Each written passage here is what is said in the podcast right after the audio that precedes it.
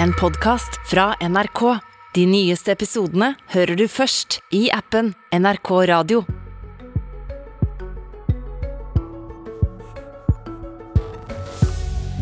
Bør staten redde bilistene fra rekordhøye bensin- og dieselpriser? De politiske partiene har delt seg i to leirer. De som vil sette ned drivstoffprisene, og de som vil hjelpe på annet vis. De som sitter med makta, har ikke bestemt seg. God morgen, du høyrer hører eller eh, ser på Politisk kvarter. Og vi begynner med det. Sveinung Rotevatn, nestleder i Venstre. Tilhører ditt parti den sida som mener at vi nå trenger en krisepakke retta mot bilistene? Vi mener at nå trenger du en pakke som gjør at folk får mer penger mellom hendene til å betale regningene sine. Eh, vi mener ikke at løsninga nå er at staten skal gå inn og på en måte styre drivstoffprisen nedover. Eh, det vil selvfølgelig være hyggelig for bilistene å gjøre det, men det vi mener er at du heller nå bør gi breie sosiale skattelettelser, slik at folk får beholde mange flere tusen kroner av si lønnsinntekt i lommeboka. Og Grunnen til det er at det er ikke bare drivstoff som nå er dyrt og blir dyrt. Allerede merker folk at strømmen er dyr. Maten kommer til å bli dyrere fremover. Renta vil sannsynligvis gå opp, og mange varer og tjenester vil koste mer. Og Da kan du ikke gå inn i hver enkelt varekategori nær sagt, og forsøke å styre prisen. For det er folk har ulikt forbruk og ulike behov, men alle vil få utfordringer fremover. Og da bør alle få mer penger igjen hver måned, slik at de kan betale sine regninger. Det høres kjekt ut. Kan du forklare litt konkret hvordan vil du gi meg og andre mer penger igjen hver måned? Det vi har sagt er at vi mener at Den enkleste og beste løsninga vil være at vi øker opp minstefradraget på skatten kraftig. Ehm, det er jo det fradraget som ligger i bunnen for alle som har ei inntekt. Hvis for kraftig? 1000 kroner, 5000 kroner, 10 000 kroner? Jeg har ikke et svar på det her og nå, for da trenger jeg rett og slett litt tall fra Finansdepartementet med tanke på hvor masse momsinngangen vil være framover osv. Men det vi har sagt er at det må være betydelig, slik at folk sitter igjen med mange flere tusen kroner på konto. Og Grunnen til at det er fornuftig å øke det eh, bunnfradraget på skatten, er at det treffer alle, men det er de som har minst som vil få størst glede av det. Eh, og det gjør at alle vil få det enklere framover med å betale enten det er høye drivstoffpriser eller det er eh, renteutgiftene på boliglånet sitt. De som har minst vil få mest glede av det, men hvis du øker bunnfradraget, så får jo absolutt alle, også de som tjener flere millioner, akkurat like mye. Altså Alle vil da få en skattelette, men alternativet hvis du skal gå en skattelettevei, er jo å kutte i prosentsatsen på skatt f.eks. Og Da vil jo de som har høyere inntekt, få mye høyere skattelette.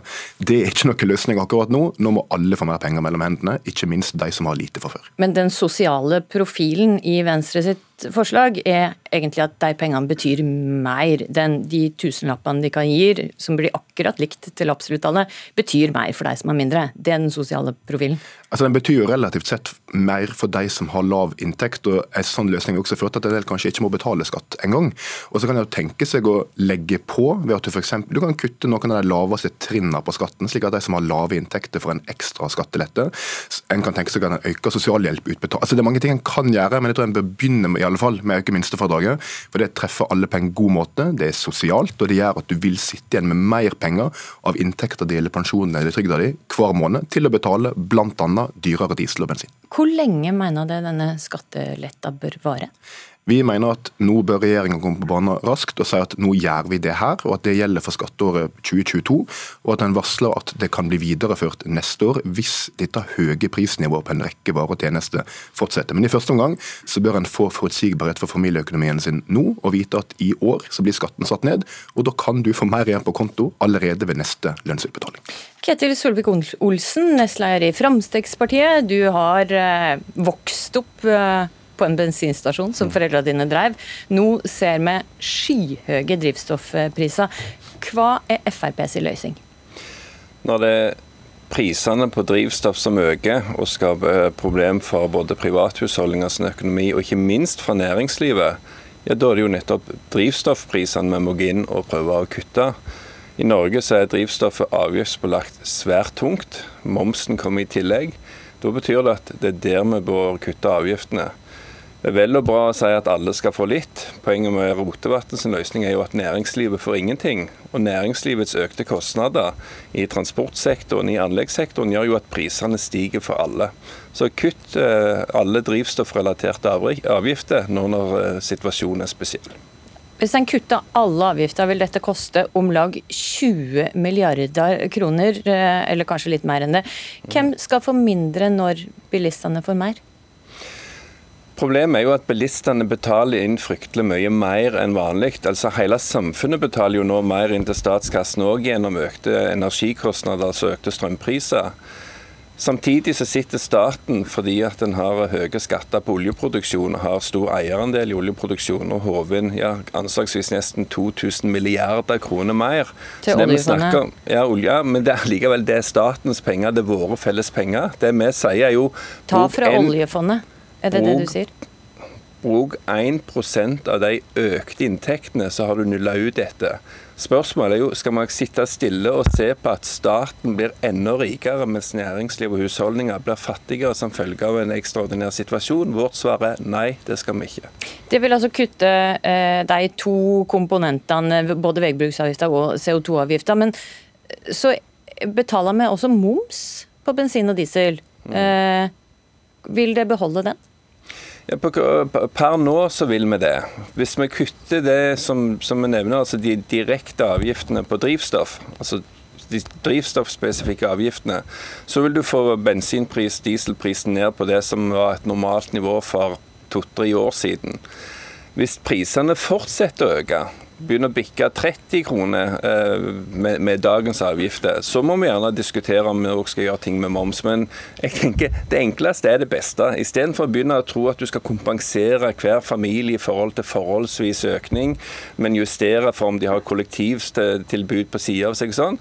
Det er en byråkratisk vanskelig ordning. Det å gjøre det på minstefradraget jeg, altså jeg har ingenting imot å øke minstefradraget, men for å bøte på dagens situasjon, så er det et skivebom fordi du når ikke næringslivet. Det enkleste er det beste. Når drivstoffprisene blir for høye, da kutter du drivstoffavgiftene. Det er statens gode bidrag. Rotevatn, det er skivebom fordi at du når ikke næringslivet, ser vi Solvik-Olsen sier. En kan sikkert vurdere ordninger for næringslivet også, men det er en veldig viktig forskjell på næringsliv og forbrukere. og Det sa Solvik-Olsen sjøl.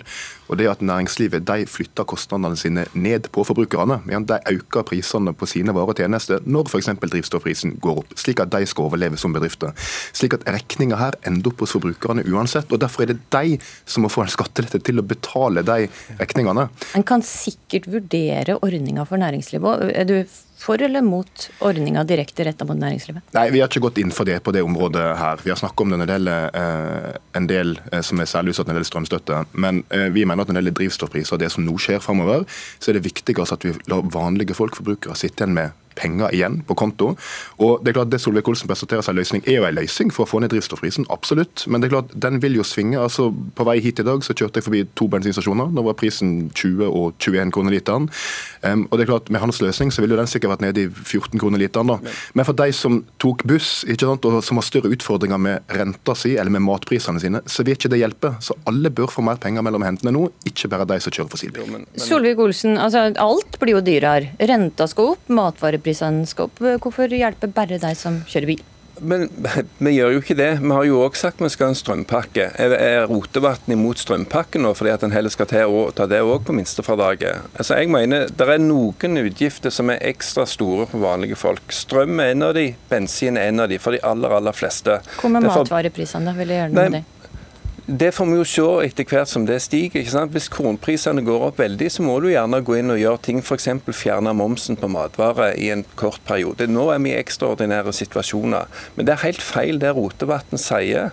Fordi at for det første, Hvis du klarer å unngå at næringslivet må øke transportkostnadene, som gjør at prisene til forbruker går opp, så har du jo gjort fjerna litt av årsaken til at du må ha et krisetiltak til forbrukerne. For det andre, og jeg jobber jo nå primært i privat næringsliv, næringsliv. Jeg er ikke yrkespolitiker, jeg sitter ikke på Stortinget nå. Sant? Jeg leder en anleggsbedrift.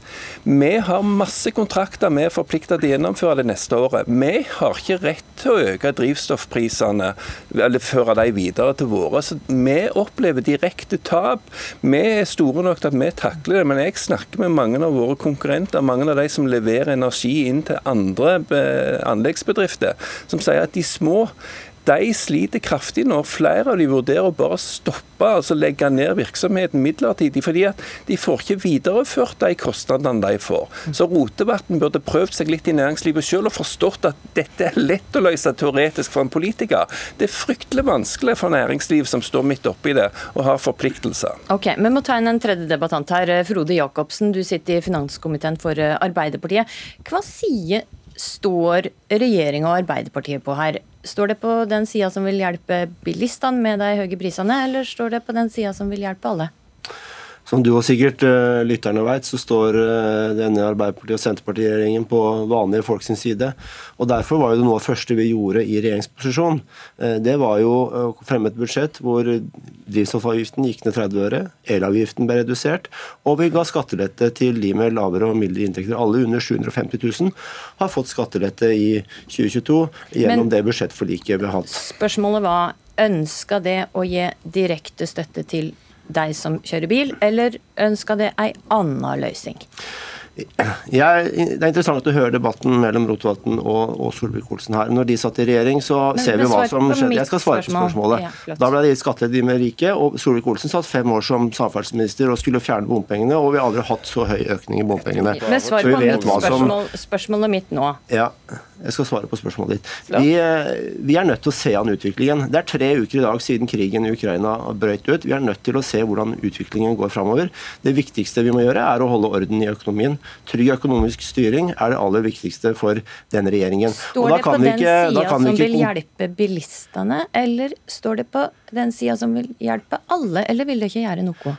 Jeg tror vi må ha to tanker i hodet samtidig, og det var det også Rotevatn var inne på, og som jeg sa i mitt uh, første innlegg her. Vi reduserte drivstoffavgiftene, vi, uh, vi reduserte skatten. Vi er nødt til å gjøre begge deler. og nå er vi nødt til å følge den utviklingen som, som skjer. Hvis denne, hvis denne økte, du veit ikke helt hvilken side de kan stå på? Nei, Vi har fått mange gode forslag. I, for to dager siden satt uh, Rotevatn og jeg hos Fredrik Solvang, og åtte partier lanserte åtte forskjellige løsninger. Vi har fått Den svenske regjeringen har laga en pakke. Vi er nødt til å følge utviklingen nå. Hvis den høye prisen på bensin og diesel vedvarer, så er vi nødt til å gå inn og se hvordan skal det gjøres. Men det fins ulike modeller å gjøre det på. Men vi må gjøre det på en måte som er effektiv, og som også er sosialt rettferdig. Derfor kan det være ulike ordninger å se okay. på hvis vi skal gjøre noe. Jeg syns strømstøtteordningen er god, og den. Du sier det høye nivået, hvis det vedvarer over tid, så vil det gripe inn. Ja.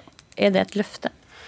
Nei, altså Det betyr at vi er nødt til å se an utviklingen. Og hvis det vedvarer, det har statsministeren, det har finansministeren sagt, så må vi gå inn og se hvordan vi skal kompensere det. Og det finnes høyt, ulike modeller. Hvor er høyt nivå, og hvor er over tid? Igjen er vi nødt til å se på hvordan dette utvikler seg. Vi er nødt til å se altså Vi står midt oppe i en krig, vi har fått flyktninger. Hvor er høyt nivå, og hvor er over tid? Nei, det Over tid vil jo Nå har det gått tre uker. Eh, det er ganske kort tid. Eh, så det kan gå noen måneder? Én måned, to måneder, tre måneder? Ja, hvis, hvis, Prisene har jo gått ned allerede fra det høye nivået, men hvis det blir 30-40 kroner som du skisserer, så er det veldig høyt. Og da er vi nødt til å gjøre noe, selvfølgelig. 30-40 kroner over flere måneder, da vil regjeringa gripe inn? Nei, det er ikke mulig. Vi kan ikke, vi kan ikke drive budsjettpolitikk i Norge hvor staten går inn og, og kompenserer for priser eh, og prisøkning dersom eh, matvareprisene, bensinprisene, strømprisene eh, flukturerer og går, går, opp og ned. Den norske modellen er veldig god. Den norske modellen er, det, er god. Er det løftet du kan komme med? De kan komme til å følge med på situasjonen? Ja, og det er et veldig tydelig løfte. Uh, og Den norske modellen er jo sånn at det, det er lønnsoppgjørene okay. som gir folk lønnsvekst og kompenserer prisstigningen. Så må vi holde orden i økonomien før eventuelt Den største faren er jo hvis renta løper løpsk. Da vil de økningene vi ser i bensinpris, matvarepris, strømpris, mm. bli som småpenger å regne hvis, hvis, folk får en stor renteøkning. Rotevatn, regjeringa skal følge med, er det godt nok? Nei, det er ikke det. Jeg har riktignok en viss forståelse for at en, kan ikke bare hive seg rundt i regjeringa med å vurdere forslag nøye, så jeg forstår det. Men jeg syns ikke at regjeringa nå, som Jacobsen antyder, skal sitte og nistirre på bensinprisen og se hva som skjer med den. Den vil nok gå opp. Men vi vet at det er mange ting som vil bli dyrt framover. Renta vil øke, maten kommer til å bli dyr, strømmen er dyr. Så jeg mener at du veit nok nå til å gi folk mer penger mellom hendene. Man kan jo starte med å ta den øken i skatt på 9 milliarder kroner jeg har innført i år, eller reversere den og gi den tilbake til vanlige folk. Det vil gi deg mer penger mellom hendene. Solvik-Olsen, kort til slutt, hvor mye hasta det nå? Jo, dette haster. Vi trenger ikke en tilskuerregjering. Men en, en uh, Arbeiderparti-representant her som ikke engang har fått med seg faktum. Faktum er at drivstoffavgiftene hø er høyere i 2022 enn de var i 2021. De ble ikke kutta, de ble økt. Bompengetakstene er økt, de er ikke redusert. Arbeiderpartiet i Stortinget i opposisjon stemte mot å kutte bompenger, mens vi foreslo å kutte bompenger. Og Når han ikke har et eneste tiltak okay. å levere utover at en skal følge med, da burde en egentlig komme seg tilbake i opposisjon. Ok, Vi får uh, vente i spenning eh, på hva regjeringa eventuelt vil komme med. Takk, Ketil Solvik-Olsen, Frode Jacobsen og Sveinung Rotevatn. Politisk kvarter i dag var ved Astrid Randen. Du har hørt en podkast fra NRK. De nyeste episodene hører du først i appen NRK Radio.